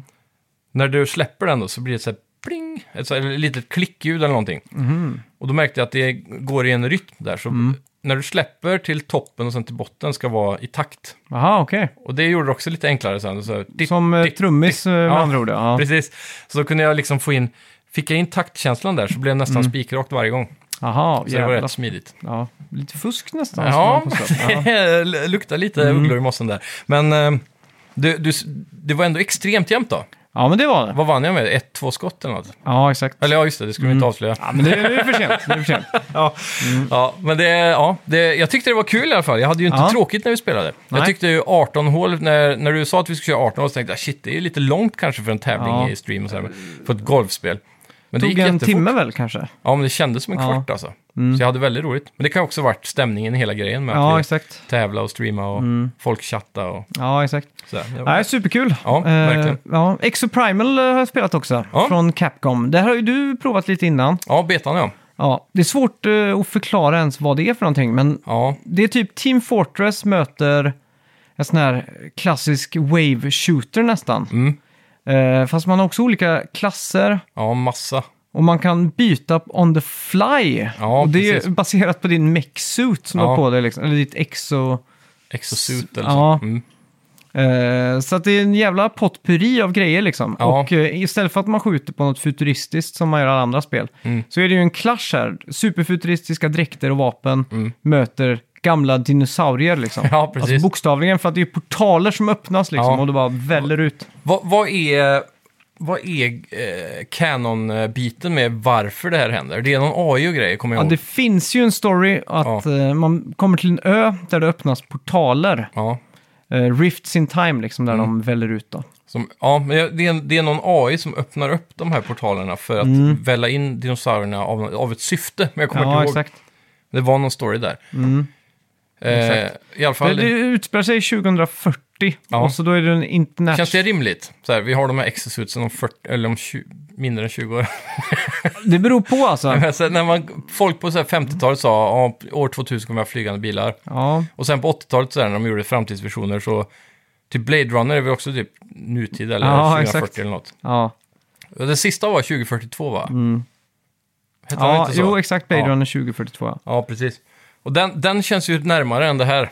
Men alltså, flygande bilar, jag förstår, jag förstår grejen så här, för det är tydligt liksom. Ja, Men som geniet, med stora, stora citattecken, Kanye West sa, ja, vi väntade alla på att få den flygande bilen, men istället fick vi internet. ja exakt. Det tycker jag är ganska bra, för Ja. internet kunde ju egentligen inte någon förutspå Nej, verkligen inte. sådär. Och att man har YouTube, så du kan liksom sitta på en kväll och Du kan ta in vilken information du vill Ja, som exakt. existerar nästan. När som helst hela tiden. Ja. Det är lite större än flygande bilen tycker jag. Ja, det är det. Så Absolut. jag förväntar mig att vi ska få något fetare än exosuits. Ja, Alltså, ja, ja. jag tänker ju den här Kanske. roboten som Tesla visar upp. ja. Hemma, home, home-roboten liksom. Ja, exakt. Jag vet att Dyson jobbar på en robot också. Ja, där kommer vi bara dammsuga. Ja, men de, de, de, de, du kan få något städat rum till exempel. Ja, ja. De visar när de... Plocka i ordning leksaker och sådär. Ja, exakt. Mm. Eh, Men jag tänker så här, tänk vad coolt så här, om så här, en kommun bara anställer typ så här, skaffar robotar som går runt och städar i stan typ. Den här generationen, om den är värdelös nu liksom, som många tycker. Vad kommer då nästa generations barn Mm. den- bli om de inte behöver städa sitt eget rum och ja, men den här generationen liksom? som vi har nu, det, det här är ju den Alla generationen som har jobbat mest, som jobbar mest. Ja, men då vi kommer också bli, nästa kommer ju bli den där generationen där alla växte upp med en butler. Mm, det är ju Housemates. svin-nice. Ja, på ett sätt är det det. ja. Men det är så här, den här eh, utopi slash dystopin som kan Mm. uppnås när vi ska ha universal basic income och alla ska Ja, jobba med exakt. konst. Ja, men det är nice. Ja. Det, det st- mest eftertraktade jobbet 2040 blir ju filosof, för det är de filosofiska frågorna som behöver försvaras. Mm. Ja, eller influencer Ja, fortfarande. ja exakt. Det är ju dagens Mm. mest eftertraktade jobb. Är det Har Ja, det, har det bland- gått om eh, liksom? Bland ungdomar ja, de vill bli Ja. YouTubers och influencers. Och typ, ja, generellt influencers då, men via typ TikTok och Mm. sådär. På vår tid så var det rockstjärnor Ja, och, exakt. eh, Astronaut var ju en period där och, och skate... forsk- eh, forskare. Det dog ut fort. ja. Skateproffs levde Ja. kvar länge. Ja, men det utspelar sig i alla fall eh, i, inom en snar framtid. Och eh, det börjar komma sådana här vortex eh, tidshål då. Mm. Där det kommer, och det här är det mest japanska jag läst någonsin tror jag. Ja. Neosaurs. Mm, Inte neo- dinosaurs, men neosaurs. Vad fan är det då? Och neo, det är ju när någonting är nytt. Till exempel Ja. eh, Neonazis. ja, neoclassical music. Det är ju Ja. det Yngwie Malmsteen spelar. Klassisk musik fast med elgitarr, då är det neoclassical då, till exempel. Mm. Och där är då gener, gener, eh, vad blir det? Gen, ja, genmanipulerade som, eh, Dinosaurier. Dinosaurier, ja. Ja. Och de släpps då ut om man ska liksom slåss mot de här. Mm. Och men det spelet gör unikt är att de tar en lite campy story, eh, blandar ihop med player versus player och PVE. Så Mm. det är liksom allt. Plötsligt så står man och strider mot de här och så plötsligt kommer ett annat lag. Ja. Och sådär då. Precis. Eh. I, I betan som jag körde så var det ett game mode där du gick eh, waves bara med co-op med typ fyra andra spelare tror jag det Mm. Ja, exakt. Och så gick man så här, från ett område så sköt man massa där. Och sen så skulle man gå vidare till nästa område. Mm. Så man bara skickades ner en korridor typ kan man säga, fast är en stad då. Mm. Och så nu ska du skjuta massa här och sen går man till nästa ställe. Och så efter fyra, fem gånger så, på varje sån punkt så stod det så här, nu är du, nu ligger ni efter det andra laget i tid. Ja, Man exakt. vill nå, komma Det är först. den här parallella tidslinjen liksom som man strider mot Ja, och ett sen annat lag. när man var klar med den här korridoren av Mm. checkpoints så fick man ju då en bonus om man liksom gjorde det först. Ja, Och sen börjar PVP-fighten. ja exakt. Är det det du har testat också? Ja, så att det, den, den tar ju liksom det här ett steg till och det är lite, lite story, det är lite av allt liksom. Mm. Och i paketet så är det ju ändå schysst grafik, det är bra kontroller Väldigt bra gameplay alltså. Och det känns uh, solitt när man spelar det liksom. Mm. Och jag gillar olika tank, eh, eller alltså de olika klasserna. Om man är tank till exempel så kan du morfa ut en stor så att du är en T-Rex Mm. temporärt i 20 sekunder och liksom möja ner och så här. Så det är jävligt mäktiga och sådana här... uh, det är bra känsla i vapnen. Det får man Mm. alltid tänka på när Tony Stark typ ska visa upp den senaste missilen i första Iron Man. Ja, Och så står han bara med armarna ut så. Så det är en, en stor missil som blir tusen små och så bara... Ja, typ sådana där typiska mech-suit-vapen. Mm. Vissa av de där eh, robotarna har ju dem. Och det känns så jävla gött att dra iväg en sån super ner på en hög Ja, med exakt. eh, de här... uh, Vad heter de vanligaste typ? mm, ja, Raptors typ. ja Till exakt. exempel. Så det är så här, om det är 50-60 stycken i en hög bara... pff. Ja. Ja, det är coolt i alla fall. Eh, Det enda negativa som jag kan tänka på sådär, Mm. det är ju att man numera måste ha Capcom-ID för att komma in på det. Ja. Så att jag, jag kunde inte komma förbi att inte, sen när jag startade Resident Evil 4 eller något annat Capcom-spel, Mm. så, eller Street Fighter 6 var det, Ja. då kunde jag ändå spela local utan att skaffa det här Capcom-ID. Men Och nu då kan var... du inte spela online kanske. Nej, exakt. Men nu var det ju kört liksom. Jag kom Ja. inte förbi press start eh, eller press options-skärmen utan ett Capcom-ID. Nej, precis. Så det var så här, ah, så var jag tvungen att gå in och registrera mig och skriva in allt det här liksom. Ja. Ja, det är alltid köttigt med de där långa Ja. stegen. Och det är det, det, är det jag tycker är så jobbigt med, med PC. Så här. Det är En står för det, en står för det, en Mm. Jajamän. står för, för Man kan ju tycka på konsol så borde Sony ha ett krav till exempel då. Att eh, de måste använda sig utav Playstation-kontot. Ja, exakt. bara det tycker jag också. där. För det är många spel som gör det. Ja. Logga in via Playstation typ liksom. Så mycket positivt, det enda negativa är väl Capcom-ID. Ja. Eh, kommer såklart fortsätta spela i höst. Ja, jag tror det här är ett spel som också blir roligare i, när man spelar med vänner, som ett lag. Liksom. Ja, exakt. Nu Så satt jag och spelade mot randoms liksom. Ja, jag tänkte jag skriva till dig, men eh, Ja. jag var osäker på om du hade orkat installera det. Ja, nej, men det, det kommer jag göra. Mm. Så får vi testa lite. Ja. Eh, Det, det här är också en sån här udda titel som är, jag har sett många YouTubers spekulera så här, det här är en dead on arrival typ. Det kommer vara hett som fan i två veckor och sen så kommer Mm. ingen spela det längre. Och det hade varit lite trist, för jag minns ju att det var väldigt kul. ja, exakt. Det känns, som, det känns så udda bland alla andra stortitlar att så här, många människor kommer att våga och köpa det här. Jag tror aldrig vi har levt i en tid där spel har dött ut så fort som de gör nu. Alltså, Nej, det, är verkligen inte. det är verkligen så här, du har en vecka på dig att existera, annars så är det kört liksom. Ja, ja. Om man inte är de mest största då. Nej, och det är också så här att när, när, alltså för 10-15 år sedan, Mm. när det kom ett spel, så kunde man spela det online Eh, och så fanns det ändå sp- spelare där liksom. Ja, ja. Men det, in- det var liksom inte den där... eh, Det, jag tror Evolve, det spel som Ja. gjordes av Left 4 Dead-utvecklarna, när Mm. det släpptes så var det superhypat. Ja, Eh, och det var ju lite Dead on Arrival. Ja, det och då var var det, verkligen, det var verkligen tydligt, för det var ju bara så här 200 spelare efter en vecka Ja. som fortfarande spelade liksom. ja. Det är en av de tydligaste crash and burns vi har haft här Ja, i, exakt. i, branschen. Och det känns som att, det, är- att, spela, att det blir nära dualismen, att så här, Mm. ett spel inte så populärt så liksom spelar folk inte det spelet. Nej, ja, det är märkligt alltså. Så, Och ja. ibland så får de ju ofta en sån här dedicated pytteliten fanbase. Ja, ja, om det är man youtubar eller något så är det alltid någon som liksom är asfan av det här. Mm. Men så går det ju sex månader och så stänger de av servrarna Ja, liksom. och det är också ett misstag. Man ska låta servrarna puttra, man ska liksom inte ge upp riktigt. Så här. Mm. Men frågan är om det är det där, liksom, den grejen som har fått alla till att vilja bli Games as Service. För om man hela tiden uppdaterar så kanske man får in spelaren igen. Om man kollar Ja, på exakt. No Man's Sky eller eh, alla Ubisoft-spel typ. Ja. Som, Ubisoft är kanske de i branschen som gör den grejen bäst, ja, helt klart. känns det som. För de ger inte upp på spelet liksom. Nej. Och så. Men det är det, det är en investment att våga och satsa så länge.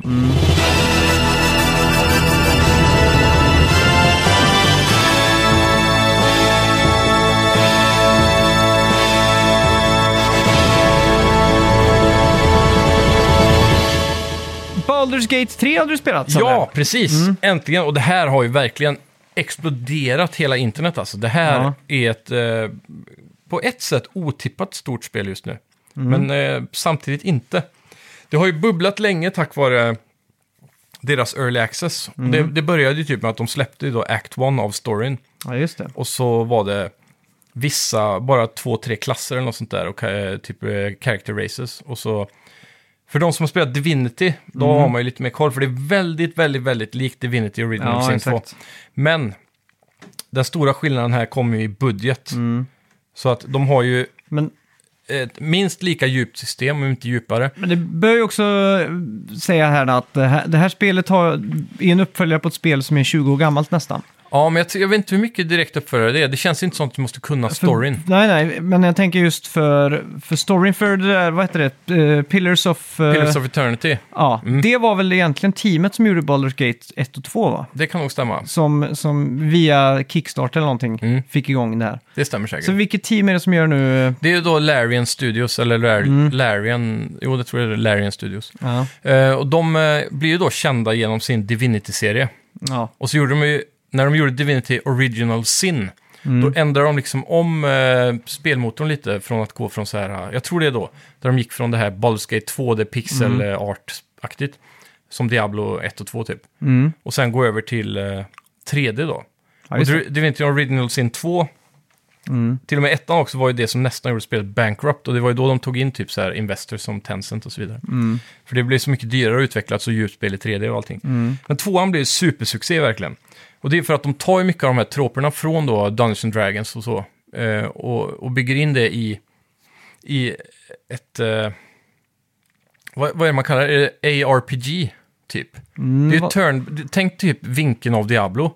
Fast Ja. du kan styra kameran fritt. Så här, du kan cirkulera mappen liksom. Ja, just det. Och så har du turn-based combat istället för eh, real time. Mm. Så du går runt i världen i real time och pratar med NPCs i real time och så vidare. Mm. Men eh, när du, ska, när du träffar på fiender då, eller om NPCs du pratar med blir arga på dig, så kan du Mm. initiera combat. Och då blir det som D&D att man så här, turas om och beroende på vilka stats du har på dina karaktärer. Du har ju allt det här Ja. klassiska strength och vitality och Mm. ja, intel- intelligence, väldigt likt Diablo också där. Mm. Beroende på det så blir det ju liksom, hur snabb är din karaktär? Ja, då betyder det att Ja. du får starta tidigare i turn-based-linjen då, när man ska slåss. Eh, till skillnad från Divinity-serien så har Mm. de ju, eftersom Baldur's Gate är direkt baserat på Dungeons and Dragons, Mm. så är det här, då har de ju double down i, i typ combat mechanics och mycket andra sådana saker, att man ska ha så likt Dungeons and Dragons som möjligt. Så du, här kastar man tärningar för vissa options. Mm. Typ som... eh, Det finns ju så här, jag, vet, jag har ju följt några YouTubare som spelar Dungeons and Dragons och då, många ord som dyker upp det är så här saving throws och... Mm. och eh, om, som ett exempel då. Mm. Eh, Jag går fram till en knapp i spelet och så finns det typ en sån här podd som innehåller, det här är helt början, så är det en sån här eh, alien-podd typ ser det ut som, där det är en Ja. human trap på insidan så. Och så går jag fram till en knapp och så är det alltid en narrator som eh, fungerar lite som en dungeon master som berättar storyn och så här, vad, jag, vad min karaktär tänker typ. Ja. Och då får jag tre val typ så här. Och ett av de valen kan vara baserade på mina skills då. Som är ganska vanligt i vissa typ Bethesda-spel och så. Men det är mycket djupare här, så då kan det vara så. Ja, jag behöver... Eh, min skill eh, gör att jag får 3 plus bonus på det här. Så i det här fallet måste jag kasta en D20 och det betyder alltså en dice, en tärning med 20 sidor då. Så du kan Aha. få 1 till 20 till exempel. Och Jävlar. då säger den så här, ja du måste ha 12 här. Och rullar jag en 10 då så har jag ju 2 plus på grund av min intelligence till exempel i det här fallet. Så får jag 12 och då klarar jag att göra det här. Så när jag trycker på knappen då så klarar jag att genomföra någon psykisk koppling till den här knappen. För det här är ett så här, jag är på ett skepp som är biologiskt. Så jag gör någon psykisk koppling till det här och klarar att öppna modulen och rädda den här personen. Men senare så öppnar jag en annan modul och där misslyckas jag med min throw. Och då förändras ju då vad som kommer hända typ i storyn Ja, hela det. tiden. Och det är tusen sådana här små saker i det här spelet. Och det, det blir så dynamiskt då hela tiden med att eh, hur du presterar med dina tärningkast och, och så vidare. Men nu ska inte folk tro att det här går ut på att kasta tärning hela tiden. för det, det är verkligen inte det, det. Men det är bara när det är sådana här kritiska moments, liksom, när du ska göra någonting intressant. Så här, typ som i D&D då. Ja. Att så här, du ska försöka akrobatiskt hoppa över någonstans och döda någon, säger man i Dungeons Dragons. Då är det bara snack, liksom, min karaktär ska utföra det. Då säger kanske Dungeon Master, jag kastar tärning för det där, så måste du ha mer än fem för att klara det. Typ. ja, just det. Och det är mycket Okej. sådana grejer det här. Men själva combaten, den är vanlig turn-based, har ingenting med tärning att göra. Men den baseras på dina skills då. Så om du ska kasta en spel så kan du få, får du upp, jag håller musen över en fiende. Min spel når 18 meter så jag håller över han, han är 15 meter bort, perfekt. Jag kastar och står det så här, och du har 80% chans att träffa. För mina stats överväger hans stats och då kan Okej. inte han. Så jag kan få en miss liksom. Men oftast så funkar det då. Som i de flesta turn-based antar jag. Men eh, ja, så combaten är väldigt strategisk så. Världen är uppbyggd av eh, element, som i verkligheten, typ eld, vatten och allt sånt där. Så man skulle kunna som magiker då, dra en spell där du, slänger, där du får det att regna, då blir allting blött. Karaktärer blir blöta i en area of effect då. Och golvet blir blött och så vidare. Så då kan det bli pölar som de står i och så att de också själva är blöta. Så skjuter jag el där sen så sprider sig det Ah, i vattnet såklart. så det blir mer damage. Och detsamma med olja och eld och du kan ha curse. Jag, det här är ju, jag, jag har inte kommit jättedjupt i det här spelet än ska jag säga, så det här kommer jag återkomma till nästa vecka. När jag verkligen fått sätta tänderna i det. Men, eh, för det krävs ganska mycket tid för att komma in i ett sånt här spel. Och har man då turen att ha spelat Or- Divinity så kommer man fatta ganska mycket direkt. Det är såklart vissa skillnader för att det är mer Dungeons and Dragons-aktigt med de här tärningarna och så. Men mycket likt. Du, det är i alla fall otroligt djup taktik i, i gameplayen här med att du... Eh, nu spelar jag co-op med en person. Men det är totalt ofta fyra player i ett party. Så då får, när man spelar två spelare så får man varsin eh, extra karaktär. Och Man kan byta vem som ska styra vem och gruppa karaktärer och så här. Men generellt då så styr man två gubbar var. Ja, just det. Och de har ju olika builds. Så jag har en mage och så har vi en cleric och så har vi en warrior och en eh, barbarian typ. Och då slä, slänger man ju... ehm, vad ska man jämföra? Typ XCOM är väl Ja, kanske okej. en halvt bra jämförelse. Ja, Så att du styr så här gubbar, hur långt kan de gå? Och så har du en mätare med antal mycket- steg liksom. Ja, typ så. Och det, de kan också... Mm, om du går för långt så har du gjort din, din turn, så då kan du inte göra en attack. Nej, exakt. Så jag hela tiden balansera sånt. Och sen då kombinera attacker till exempel. Som jag Mm. slänger ut vatten så slänger du ut el och sen så Ja. håller man på sådär och försöker tänka ihop en plan Mm. liksom. För combaten kan vara, speciellt på högre svårighetsgrader, extremt svår i de här spelen. Mm. Men det finns lättare svårighetsgrader om man bara vill ta sig igenom en cool story då. Mm. Hur känner du för turbaserade? Du är inte det största fan av turbaserade Nej, strider va? Egentligen inte, men Divinity och nu även det här då är det bästa jag spelat i genren. Ja. Och det är för att det är så annorlunda, det är mer inlevelse i combat och mer, det är mer som schack typ. Om man ska kunna säga det så. ja, exakt. Nästan 3D-schack på ett sätt med all magi och abilities och olika saker som kan hända liksom. Så det är det som gör det intressant mer än eh, typ Final Fantasy när man bara står på varsin linje mot varandra och så går man fram tre steg, slår ett slag, så backar de tre steg och ställer sig på linjen igen. Den biten är det värsta jag vet. Men här får du en väldig dynamik i att du får kontrollera rörelser och abilities och allt Ja, här. exakt. Så mycket, mycket, mycket, mycket djupare än bara en lista med så här, det här är dina fyra attackmöjligheter. Så sätt. Så det, det är det jag gillar med men, men det jag gillar mest med det, hela den här RPG, eller role-playing-aspekten till spelet. För du kan göra så mycket crazy saker. Utvecklaren berättade i en intervju typ att så här, vid ett tillfälle så kan du få möjligheten att förvandla dig själv till en, till en stor osthjul, typ. Ja. Och, och sen spelar du igenom en bit av storyn där som ett ostdjur liksom. Det är bara så här Ja, random hur, shit. hur går man runt som ett ostdjur? Ja, Liksom? då, Rullar rullar, man- då rullar det där ostdjuret bara när du klickar runt liksom. Aha, Så någon, du transmoggar dig till en, till, ett Ja. ost, till en ost liksom. Aha. Det är bara så här, du kan RP så jävla mycket sjuka saker i det här spelet. Mm. Allt möjligt liksom. Och, eh, till exempel om du blir en sån här animal, eh, du gillar djur typ och så. Mm. Så, det, så var det i förra spelet också. Då, då kan du säga, världen är helt populerad av djur. Det kan Ja. vara fåglar, ekorrar, kaniner och kossor på farmen och katter och hundar i stan och sådär. Mm. Och har du då eh, lärt, valt så här, dina skills, jag kan prata med djur. Då kan du gå fram till alla djur och bara så här, en liten mus random. Bara, ah, tjena, ah, hur är läget då? Nej, fan, jag är sur idag för min... Eh, eh, den här jävla katten har jagat mig och jag tappar min mat typ så här. Kan du Aha. hjälpa mig med det? Och så, så får man ett quest typ, gå och döda katten. Mm. Och sen går du till katten och bara, nej det var inte alls så det hände. Så blir det en dialog, så blir det värsta questen där liksom. Låter jävligt uh, djupt alltså. Ja, men hade du aldrig valt den skillen så hade du aldrig fått den interaktionen. Så replay-valuen i de här spelen är så otroligt stor alltså. Och sen kommer du ju ner till också vilken eh, karaktär du väljer. För det som är känt med de här spelen, även från Divinity, som de liksom har kopierat över till Baldur's Gate nu då. För det basically är det här Divinity Original Sin 3, fast i Baldur Gate, Baldur's Gate-universumet kan man väl säga. Och det är att Ja, exakt. när du startar spelet så kan du välja en pre- pre-made character. Som är så här typ klassiska heroes, de har sin, eh, sitt utseende och allting färdigt liksom. Och oavsett om du gör din egen karaktär eller väljer en sån, så kommer du stöta på de här sen som du kan ta in i ditt party. Och de har sin egen ambition i världen med vart de vill gå. De har sitt eget main quest samtidigt som det riktiga main questet är den röda tråden för alla karaktärer. Men alla har en bakgrund, precis som när du skapar en karaktär i Dungeons Dragons, typ. Att du, du, ska, du är en uh, alv från en, eh, en skogsalv från ett ställe som blir attackerat och brann ner och han vill ha hämnd för det, så han ska återvända en dag och döda dem, typ. Då kommer det vara en grej av den karaktärens story, så om du vill så kan du följa den tråden eller bara köra igenom main storyn. Ja, just det. Och så, här, så det utvecklas väldigt mycket, så det är lite som man pratar ofta om Witcher 3 som det perfekta exemplet på ett spel som har sidequest som kanske är mer intressanta än mainquestet på många sätt. Och det här är samma sak liksom. Det, det är bara du och dina val som avgör vart storyn tar vägen hela tiden. Ja, just det. Och att det här fungerar så bra i co-op är också helt fantastiskt. Låter jävligt uh, fett i alla fall. Ja, Eh, så och det- ser coolt ut. Ja, verkligen. Och det, det är också den stora ändringen, just utseendet som budgeten gör. I det förra spelet så hade du en narrator, men allting utspelar sig typ i den här Diablo-vinkeln liksom. Ja, när folk pratar med varandra och så. Men nu är det riktiga cutscenes som zoomar riktigt in på karaktärerna. Väldigt bra grafik. Och det är full så här animationer på när de pratar och rör på sig och allting. Det är väldigt mycket, mycket högre budget på allt sånt. Så det gör att storyn blir mycket mer immersive. ja shit. Och sen character creatorn är det sista jag ska gå in på. Det är kanske bort emot den bästa character creatorn jag har sett alltså. Okej. Väldigt djup, eh, du kan ändra mycket. det är jättemycket så här. En klassisk grej som man kan- ofta kan mäta en character på är hur många frisyrer finns det typ. Det är bara så här, det är mängder frisyrer och allting möjligt. Det enda de inte har är att du kan inte riktigt så här, så, som i Bethesda, gå in och så här, göra en ful karaktär genom att dra alla sliders till höger för att ändra kinder och näsa Nej, och exakt. allt sånt där liksom. Nej.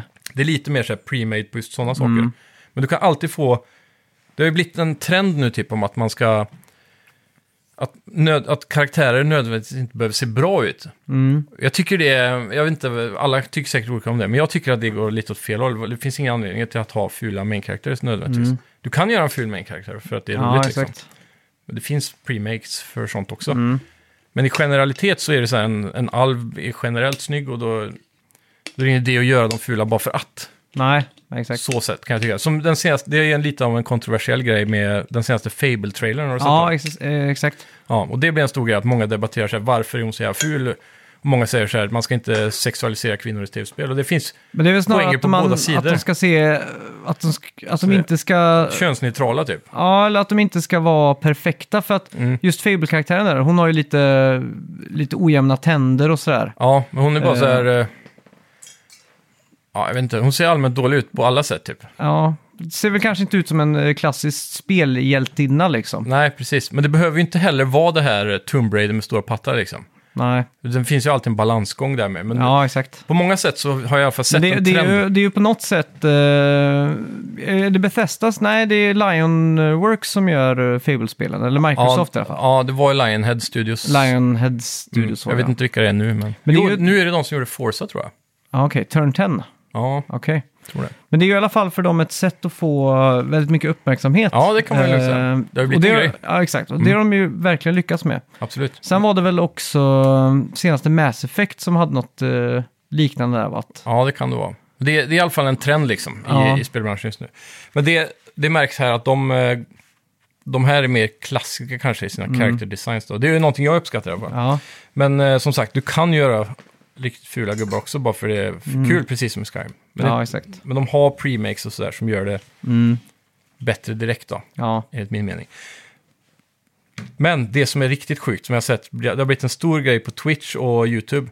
Mm. Det är något jävligt sjukt. För i alla spel typ, när du gör character creator, Mm. så kan du säga, då får du alltid, som i WoW till exempel, du väljer en eh, warrior. Så står din karaktär där i full så här, bästa warrior-suit, så du kan se hur din Mm. warriors kommer kunna se ut med bra gear och så här. ja, exakt. Och så är det lite här också medan du bygger karaktären. Och så Mm. väljer du olika klasser, så byter de kläder och så. Så kan man ju alltid välja hide clothes då. Och så gör man det, och då brukar karaktären stå där i kalsonger typ. Ja. I det här spelet så är de ju helt nakna. Aha. Och då kan du välja så här penis A, penis B, penis C, penis D. Ja, så det är så här olika kukar och fittor Oh. och sådär. Men fan, det var ju ett annat spel som gjorde det.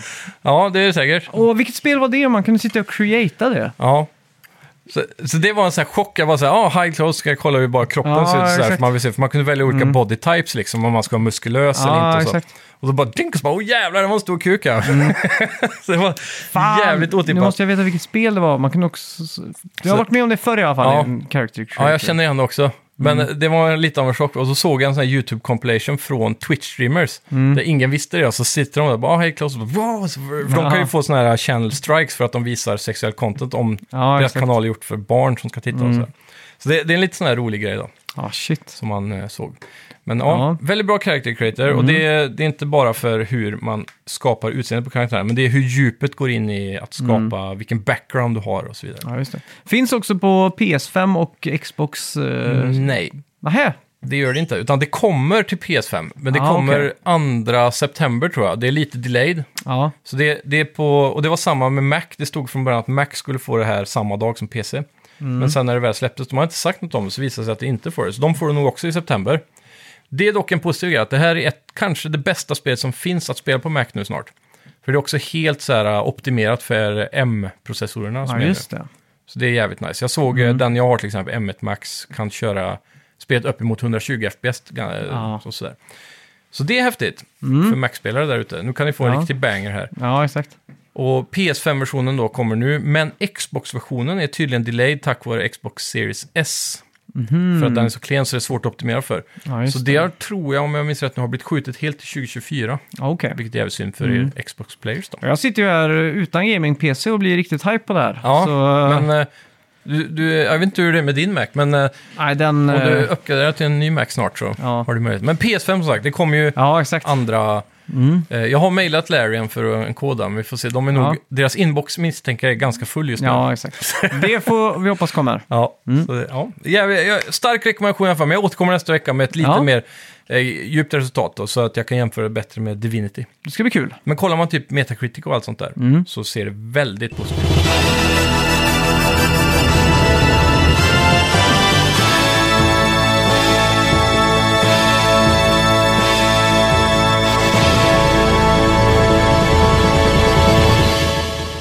Hur står det till med din danska kunskap? Den är, ja men det är väl bättre och bättre tror jag. Bättre och bättre, ja. Ja. Vi ska se ifall eh, du kan ta vilket spel det här är, eller Mm. ni där hemma, så får ni mejla in. Ja, Det er noget specielt med eventyret, hvor du skal redde prinsessen med at dræbe de skumle skurke i verden.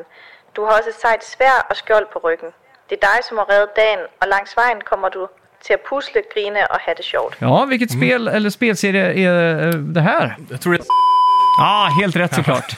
snyggt, eh, snyggt jobbat. Ja, tackar, tackar. Mm. Ja, jag tror först, eh, ja, jag ska inte ge några ledtrådar här i och för sig, men vi kan ta det nästa vecka. Mm.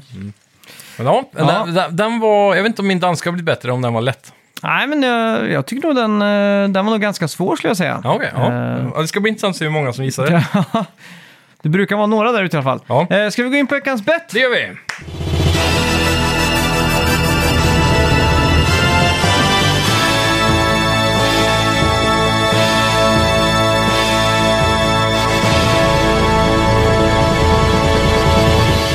Kommer du ihåg hur det gick nu i våran golfturnering? Ja, just det. Det var ju det En vi hade, ja. va? Ja, precis. Eh, Ja, det gick ju som det gick det. Mhm. Med, jag tror jag vann med två slag eller någonting. Ja, Det var någonstans där. Du ledde ju i början ja jag med ett ledde slag med en ett bra slag. bit. Ja. Sen gick det lika och sen gick jag om med ett slag Mm. och så tror jag gick upp till två eller något. Så. Ja, jag tror det slutade med att du hade tre slag Ja, ja.